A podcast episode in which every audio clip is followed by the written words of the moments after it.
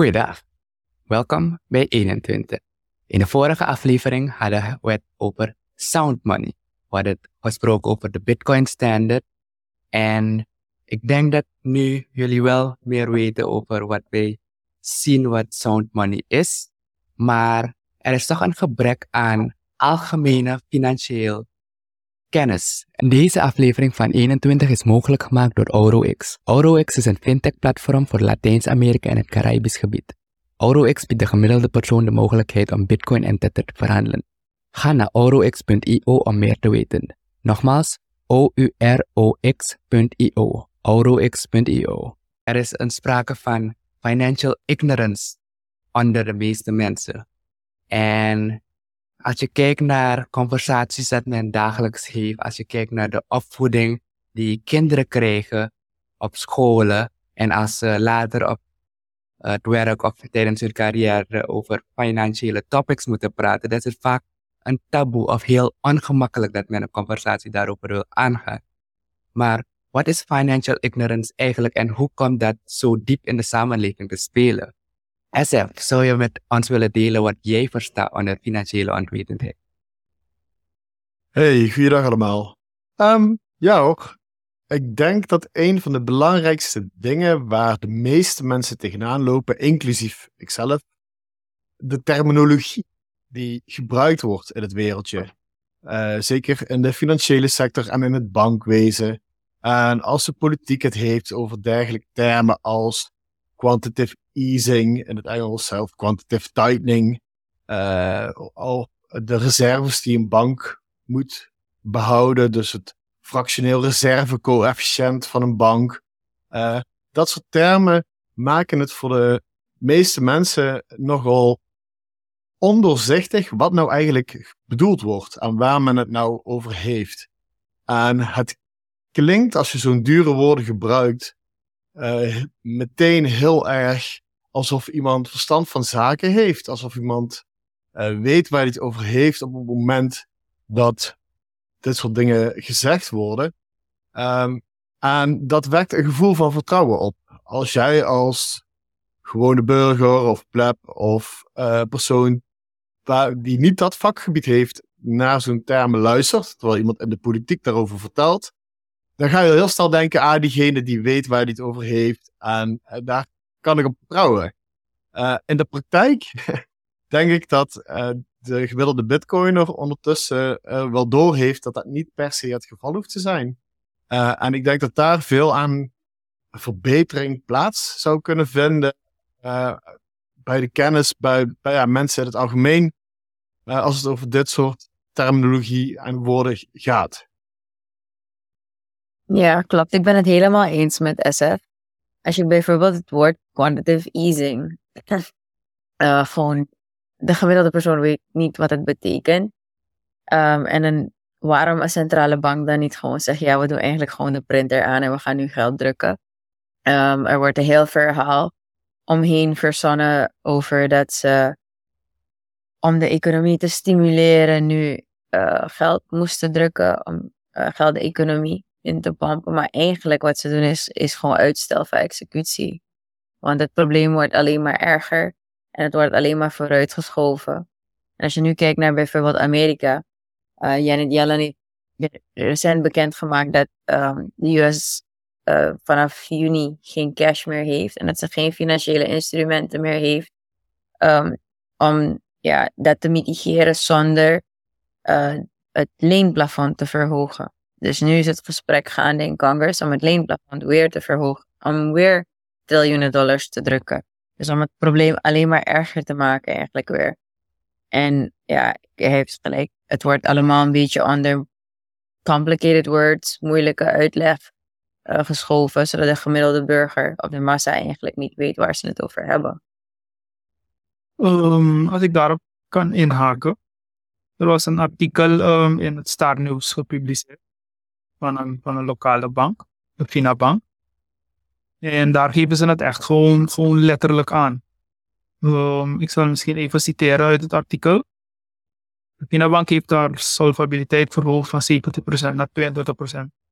Dit bereikte de bank door een perpetual obligatie van US dollar 5 miljoen en 5 euro met een pondrente van 8% per jaar succesvol op de markt plaatsen. Vanwege de complexiteit van het financiële instrument was meedoen aan de perpetual obligatie slechts mogelijk voor professionele beleggers op uitnodiging. Dus toen ik dit artikel las, ja, dit is, dit is eigenlijk een, een, van de redenen waarom ik um, nog meer voor, voor Bitcoin kies. En eigenlijk het, hele bankwezen, het, hele systeem. Uh, ja, je, je, je soms krijg ik het gevoel dat je echt gewoon bewust wordt uitgesloten. En dat er bewust voor een kleine groep eigenlijk gewoon financieel rendement wordt gegenereerd. En de grote massa, die wordt door dit soort zaken en door dit soort systemen eigenlijk uitgesloten. Dus het niet alleen te zitten met betrekking tot de terminologie, maar ook gewoon de, de, de, de, concepten en de systemen die gecreëerd worden, die eigenlijk ja, bewust voor een, een stukje uitsluiting zorgen voor de, voor de grote massa. Je haalde daar mooi aan, een stukje uitsluiting. Mensen worden privé uitgenodigd naar bepaalde evenementen om bepaalde besluiten te nemen. Eigenlijk het besluit is al genomen door een select groepje en ze denken dat ze mandaat daarbij hebben. En ik luisterde zo'n beetje naar alle drie van jullie en je hoort de terminologie. Quantitative easing, perpetual obligatie. Professionele beleggers, oké, dat, dat kan men nog uh, begrijpen. Maar um, rentepercentages, debt ceiling. Dus ik, ik vraag me nou af, pre-Bitcoin, als je deze termen had gehoord, als je te, terugdenkt naar de tijd daarvoor, wat, wat zeiden deze termen jou? Of hoe reageerde je op zo'n term? Of ging het gewoon je hoofd erboven? Maya? Nou, uh, eerlijk, ik, ik volgde zeg maar al de wereldeconomie, geopolitiek en uh, gewoon finance vanaf een vrij jonge leeftijd. Dus voor Bitcoin wist ik al best wel wat, wat er in 2008 um, zou gaan gebeuren. En uh, ik heb ook helemaal gevolgd wat er is gebeurd. Ik kan me nog heel goed herinneren. Um, ik denk het was augustus of september 2008 dat ik uit Nederland verhuisde. En toen zei ik nog tegen mijn moeder, uh, we moeten dat huis in Nederland verkopen voordat de huizenmarkt inkeldert. Um, dus toevallig vanwege mijn achtergrond, um, dan snap ik die termen wel. En dan had ik toevallig een andere kijker op. En toen ik over Bitcoin begon te lezen, toen dacht ik van holy shit, dit is gewoon een oplossing. Weet je, dit is de oplossing wat we nodig hebben om te voorkomen dat wat er is gebeurd in 2008 gewoon niet meer kan gebeuren. Dus ja, ik, ik, ik, ik ben misschien de verkeerde voor deze. Voor deze. Ja, bij mij is het, uh, bij is het totaal anders verlopen. Um, eigenlijk ja, voordat ik in, in, in aanraking kwam met Bitcoin, had ik eigenlijk totaal geen besef wat geld is. Het enige wat, wat, waarin ik dacht wanneer het om geld ging, was ja, je moet werken, geld verdienen, je moet het op de bank zetten, je moet sparen en hopelijk krijg je nog wat rente. Dus dat was eigenlijk mijn perceptie als het, als het ging over geld. Uh, pas toen ik naar Nederland ging, uh, eigenlijk met de crisis in 2008, uh, ben ik me wat meer gaan verdiepen in eigenlijk het beleggen en wat het eigenlijk inhoudt en hoe de crisis eigenlijk is ontstaan.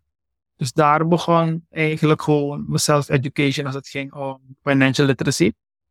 En wat later in mijn, in mijn Bitcoin-periode word je eigenlijk constant voorgeschoteld over hoe het financieel systeem werkt en waarom Bitcoin beter is. Dus toen werd ik eigenlijk echt gedwongen om me daarin wat meer te gaan verdiepen. Hoe geld werkt, hoe het financieel instrument werkt, hoe er geldschepping gedaan wordt. En het mooie daarvan is dat je eigenlijk ook terug gaat naar de geschiedenis. Van hey, waarom is men afgestapt van de goldstandaard? Waarom gebruik ik mijn geld? Dus als ik kijk naar mijn opvoeding, is het, uh, heb ik het niet meegekregen. Ik moest er eigenlijk op zoek naar gaan. En met de financiële crisis en uh, het contact met Bitcoin werd ik gedwongen me, me daarin te verdiepen. Anders, anders was er eigenlijk geen, uh, geen motivatie om te zeggen van hey, ik ga, ik ga me verder verdiepen daarin. Was de opvoeding anders voor jou geweest daar in Nederland? Als ik terugdenk naar hoe dat voor mij verliep, weet ik dat ik als kind op een gegeven moment van mijn ouders voor het eerst bij de postbank een rekening kreeg, een spaarrekening. En dan kreeg ik bij van de postbank zelf een elektronisch apparaatje waar je muntgeld in kon stoppen. En dat werd dan automatisch gesorteerd. Uh, en dat was dan als het ware een spaarpot. Uh, en mijn ouders hebben me altijd van vroeg af aan heel erg bijgebracht dat het belangrijk is om te sparen en een potje uh, reserve te houden. vervolgens heb ik eigenlijk nooit verder over hoe geld werkt en wat geld nou eigenlijk is stilgestaan of over nagedacht. Uh, totdat ik in 2007 of 2008 voor het eerst in aanraking kwam met de eerste Zeitgeist film. Ik weet niet of jullie dat wat zegt. Um, er kwam daarna nog een tweede en ik weet niet of uh, de heer Peter Joseph, die die films gemaakt heeft, daarna nog wat gedaan heeft. Uh, maar dat deed mijn geest wel verruimen op het gebied van hoe de economie werkt en hoe geld nou eigenlijk werkt. En dan met name het stukje fractioneel reservebankieren. Um, waarin dus eigenlijk een bank een bepaald procent van alle geldstortingen die ze binnenkrijgt in een reserve in kas moet houden op het moment dat iemand geld nodig heeft, zodat ze het ook kunnen uitgeven. Uh, aangezien dit maar een fractie is van het geld dat mensen bij een hmm. bank uh, depositeren, heb je dus het probleem van een bankrun bijvoorbeeld, als er paniek ontstaat en de bank heeft gewoon niet genoeg geld om iedereen te kunnen voorzien.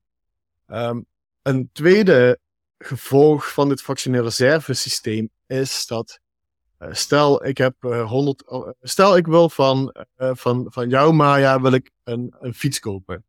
Ik heb niet de middelen om jou te betalen, maar ik kan wel bij de bank een lening afsluiten. Dus ik loop naar de bank, ik vraag een lening voor 100 euro en ik ga naar jou en ik zeg kijk, de bank heeft me 100 euro geleend. Deze zijn nu voor jou, een ruil voor die fiets. En jij denkt, yes, ik heb 100 euro verdiend. Je gaat naar je bank en je laat het op je spaarrekening zetten. En vervolgens zegt die bank van, oké, we hebben een reservecoëfficiënt van 10%. Ik zeg maar even wat. Uh, in werkelijkheid is het tegenwoordig zo goed als niets. Uh, en in sommige gevallen is het volgens mij zelfs helemaal niets. Um, maar we laten we ervan uitgaan dat het 10% is. Op dat moment mag de bank 90% van het geld wat waarvan jij denkt dat het van jou is, weer uitlenen. Uh, en jij gaat naar Diego en zegt van, hé, hey, uh, mooie jas heb je daar, die wil ik wel kopen, wat kost die? Oh, toevallig 90 euro. Nou, de bank, Diego krijgt 90 euro van jou. Uh, en gaat naar, naar, zijn bank, zet het ook op zijn spaarrekening. en de bank mag weer 90%, zeg 81 euro, uitlenen aan iemand anders. En zo zie je dus dat Diego denkt dat hij 81 euro heeft. Jij denkt dat je 90 euro hebt. En ik heb een schuld van 100 euro, maar ondertussen zijn er wel 200 euro bijna in omloop. En zo gaat dat door en wordt die hoeveelheid geld exponentieel meer. Nu, hoe ik het heb uitgelegd, is niet helemaal hoe het werkt. Het is niet precies hoe het tegenwoordig werkt, maar het geeft wel een beeld van conceptueel waar je aan moet denken als we het hebben over een, reservecoëfficiënt. Um, en dit zijn allemaal van die verborgen me mechanieken uh, die zorgen dat het prijssignaal en, of dat, dat geld steeds minder waard wordt. Uh, en uh, de oorzaak is aan, aan geld- en prijsinflatie. Um, vervolgens, sorry, ik ben te lang door aan het gaan, hè, Diego. Eén klein dingetje nog zeggen. snel afronden. Um, ik ben vervolgens tijdens mijn vervolgstudie na de middelbare school heb ik economie, economie gehad. En als het dan over dit soort onderwerpen ging, dan merkte ik dat mijn leraren daar weinig kennis over hadden, buiten hetgeen dat in de boeken staat. En het stukje Austrian Economics, dus de Oostenrijkse gedachteschool, werd wel kort benoemd, uh, maar verder niet besproken. Uh, de hoofdmoot, ik denk dat wat iedereen geleerd heeft op school, de Keynesiaanse of de Chicago School van economie is. Uh, en daar hebben we veel van onze Fiat-problematiek vandaag aan te danken. Dat wil ik nog even toevoegen. Dankjewel. Nee, ik denk dat dat een heel belangrijke toevoeging geweest. Vooral dat van de Keynesiaanse en de onderdrukking van de hoe is dat, Oostenrijkse uh, filosofie van economie. Maar je haalt daar een, een heel mooi voorbeeld aan van hoe geldschepping eigenlijk door de banken gecreëerd wordt, door het fractioneel uh, banking. En eigenlijk de economie draait nu op schulden. En een van mijn eerste vragen, heel lang terug, ik weet niet eens meer hoe lang, maar ik, ik zat op een gegeven moment, je hoort verhalen over zo'n land heeft zo'n schuld bij zo'n land. En dan zit je te denken. En een van de vragen die ik had was, welk land heeft nou geen schulden? En op een gegeven moment kwam de vraag, is er genoeg geld om alle schulden te betalen? En dan ga je in die, in die rabbit hole van, hé, hey, nee, maar dat kan niet. Maar laat zie je nog van, hey, de US heeft geen geld voor hun lokale zaken, zoals Maya aangaf, omdat ze hun uh, schuldplafond moeten verhogen. Maar ze geven een donatie of een hulplening aan Oekraïne om, om door te gaan met de oorlog. En dan denk je, hoe kan dat nou? Je kan je eigen business niet regelen, maar je helpt een ander land.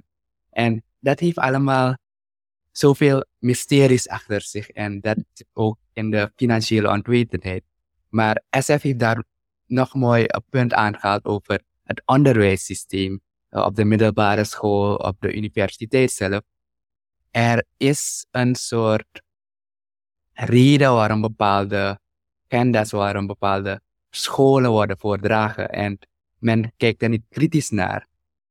Hoe hebben jullie, Maya, het ervaren tijdens je schooltijden? Ja, jij, jij had zeker een ander inzicht op. Je had ook in Nederland mogen studeren. Maar als je kijkt naar je peers, je medestudenten, hoe gingen zij daarmee om met de informatie? Dat eigenlijk anders was van jou. Nou, eigenlijk gewoon uh, afnemen en verteren, net als elk, andere, elk ander onderwerp op school. Maar ik had het, uh, ik denk gisteren, of eergisteren had ik het nog over. Uh, met de schrijver van Seven Properties op, op de conferentie. En um, hij heeft een financieel achtergrond. Uh, ik ben econometrie gaan studeren op Erasmus. Dus ik kreeg ook, en ik had ook, weet je, ik speel vanaf ik kind ben met computers en, en programmeren. Dus ik, ik had een beetje meer een technisch achtergrond. En ook op econometrie kreeg je en economie, en, maar veel meer wiskunde. En je leert ook programmeren. Je leert programmeren in HTML, Java, CSS en uh, MATLAB voornamelijk. Um, dat is echt logaritme, uh, algorithms. Um, dus je, ik, had, ik had een heel andere kijk, zeg maar, op economie. En een heel andere kijk op Bitcoin daarna ook. Hij bijvoorbeeld, die, die keek er meer naar als een speculative asset. Omdat je dan echt vanuit een andere optiek er naar kijkt. Dus ik denk dat de gemiddelde persoon, ook gewoon in die financiële wereld, je wordt getraind om te kijken naar risico. Je wordt getraind om te kijken naar de, naar de wereld op een bepaalde manier.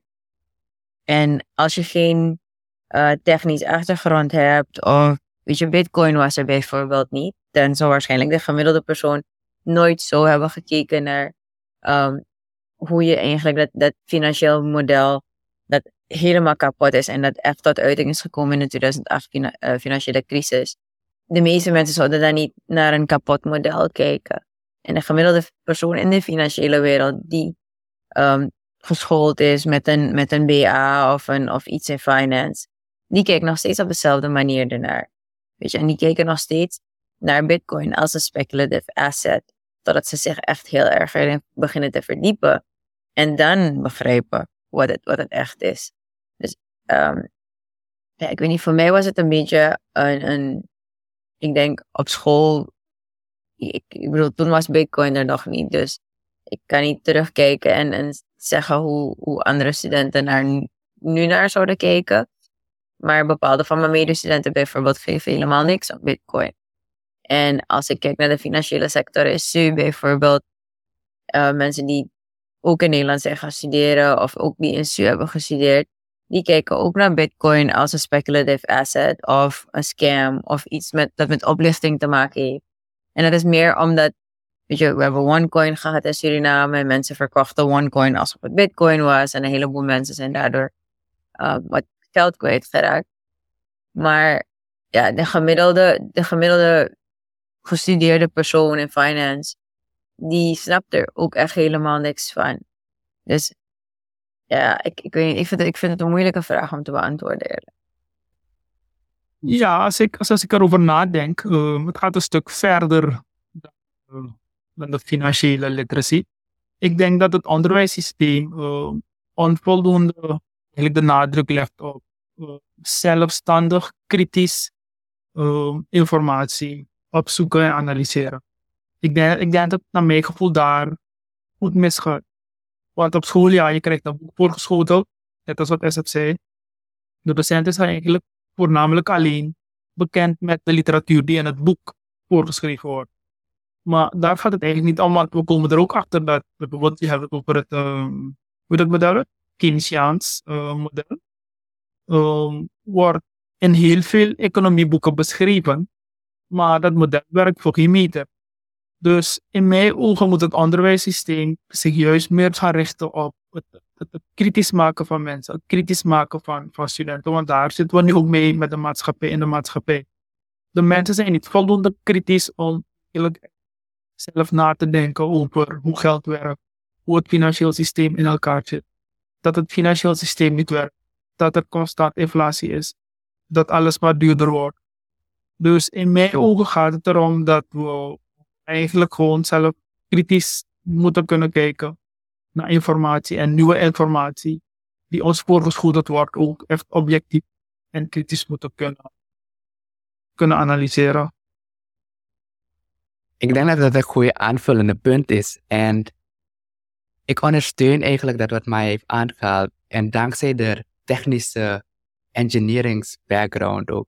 Je hoeft niet zo diep in de engineering te gaan, maar met wiskunde. De, de, de stemvakken. Waar je, waar je formules hebt, waar je fundamentele principes moet begrijpen. Ik denk dat dat ook helpt bij kritisch nadenken. Want ik heb ook een uh, technisch achtergrond. Uh, als je kijkt naar bepaalde uh, figuren, Michael Saylor heeft een engineering background en hij approacht het van een, een energiestandpunt. En uiteindelijk, als je de cijfertjes gaat optellen en de formules gaat vergelijken, klopt het niet in het, uh, in het huidige systeem. En als je gewoon met een technisch bril naar kijkt, dat, dat zie je het gewoon. En ik denk zelf dat mensen zoals SFC, de, de ik, ik ga het nu noemen, de, de mainstream model van Keynesiaans, dat in de schoolboeken zit, men neemt het gewoon op. En ze zijn eigenlijk getraind om te speculeren ermee, om het getal omhoog te brengen. En niet per se of het principieel sound is. En ik denk dat dat een van de grote problemen is. En als je mij vraagt, zouden eigenlijk de, de engineers, de technicians, het financieel systeem eigenlijk moeten, moet, moeten bouwen. En Bitcoin is het. Ja, en, en Bitcoin is Dat is toch wel gebeurd, daarom hebben we Bitcoin. Daarom zeg ik, Bitcoin is een mooi voorbeeld van. De, de, de, de programmers zijn daar gegaan, de engineers zijn daarachter gegaan. SF, heb je nog een, een, een kanjer van een afsluiting voor voordat we naar de aflevering afsluiten? Nou, dat weet ik niet, maar uh, ik denk wel dat het interessant is uh, wat je zei over het stukje engineering en uh, formules en dergelijke. want ik denk dat een groot verschil tussen Keynesiaanse gedachtegoed en, het, en de Oostenrijkse school is dat de, de Keynesiaanse, pro proberen economie bijna als een soort van een wetenschap met formules en dergelijke te, te benaderen. en omdat je nou eenmaal met mensen werkt die niet per se altijd het gedrag vertonen dat gelijk staat aan wat ze nou eigenlijk willen of wat men denkt dat iemand wilt. Gaat de Oostenrijkse school, die kijkt juist meer naar uh, hoe gedragen mensen zich in plaats van uh, wat, wat voor theorieën en formules en wetenschappelijke dingen kunnen we nou aan een economisch model hangen. Nee, kijk gewoon naar wat er gebeurt als iemand zijn geld spendeert of het ontvangt. En ik denk dat dat het cruciale verschil is. En in de Oostenrijkse school noemt men dat praxiologie. Uh, dus wat iemand in de praktijk dat, daadwerkelijk doet. Het is niet mijn vakgebied hoor. Um, maar ik weet dat Knut Svanel, die heeft daar een nieuw boek over. En er is natuurlijk genoeg te lezen over dit onderwerp als je gaat naar zoiets als uh, het Mises Instituut. En de bekende namen zijn Rothbard en Hayek. En ik denk dat als mensen zich daar al iets in meer zouden verdiepen, om, om, om te ontwaren wat nou het verschil is tussen de Chicago School of Keynesianisme en de Oostenrijkse school in economie, dat dat een stuk meer zal verhelderen ook waarom dat Bitcoin nou zo goed is om het verstoren van prijssignalen te voorkomen in een economie. En ik denk dat dat belangrijk is, want uiteindelijk is geld een communicatiemiddel, een universeel eh, communicatiemiddel om prijssignalen over lange afstanden en door verschillende culturen heen uh, met elkaar te kunnen, kunnen communiceren. En als dat een zuiver signaal is, dan kunnen we als mensheid samen veel bereiken, denk ik. Nee, ik denk dat je het zeker hebt kunnen doen. En dat is een mooie afsluiting. En inderdaad, we moeten eigenlijk kritischer kijken naar hoe geld is ontstaan, wat geld nou is. En niet zo zomaar me aannemen wat in de boek is geschreven. En ook bekijken van, hey, als, als je de vraag hebt, vraag, vraag, vraag. Mm. En neem niet alles dat je wordt uh, voorgelabeld als fact, maar vraag natuurlijk. En als je, zoals SF daar heeft aangegeven, lees een beetje erover. Je hoeft geen expert te worden erin. Maar gewoon zijn simpele fundamentele aspecten die iedereen zou moeten weten, want we hebben allemaal te maken met geld. Het is een communicatiemiddel dat we moeten kunnen gebruiken om waarde te verplaatsen van de een en ander. Dus ik denk dat we deze aflevering van financiële onwetendheid toch wel wat degelijke topics hebben uh, gecoverd. En we zijn bij de volgende aflevering bij u terug over de downfall of money, ondergang van geld. En dan gaan we er dieper op in van hoe dat nou in het verleden is plaatsgevonden en eigenlijk wat staat ons te wachten, potentieel in de toekomst. Maar dit was een andere aflevering van 21 en we zien jullie in de volgende terug. Tot dan. Doei. Check, check.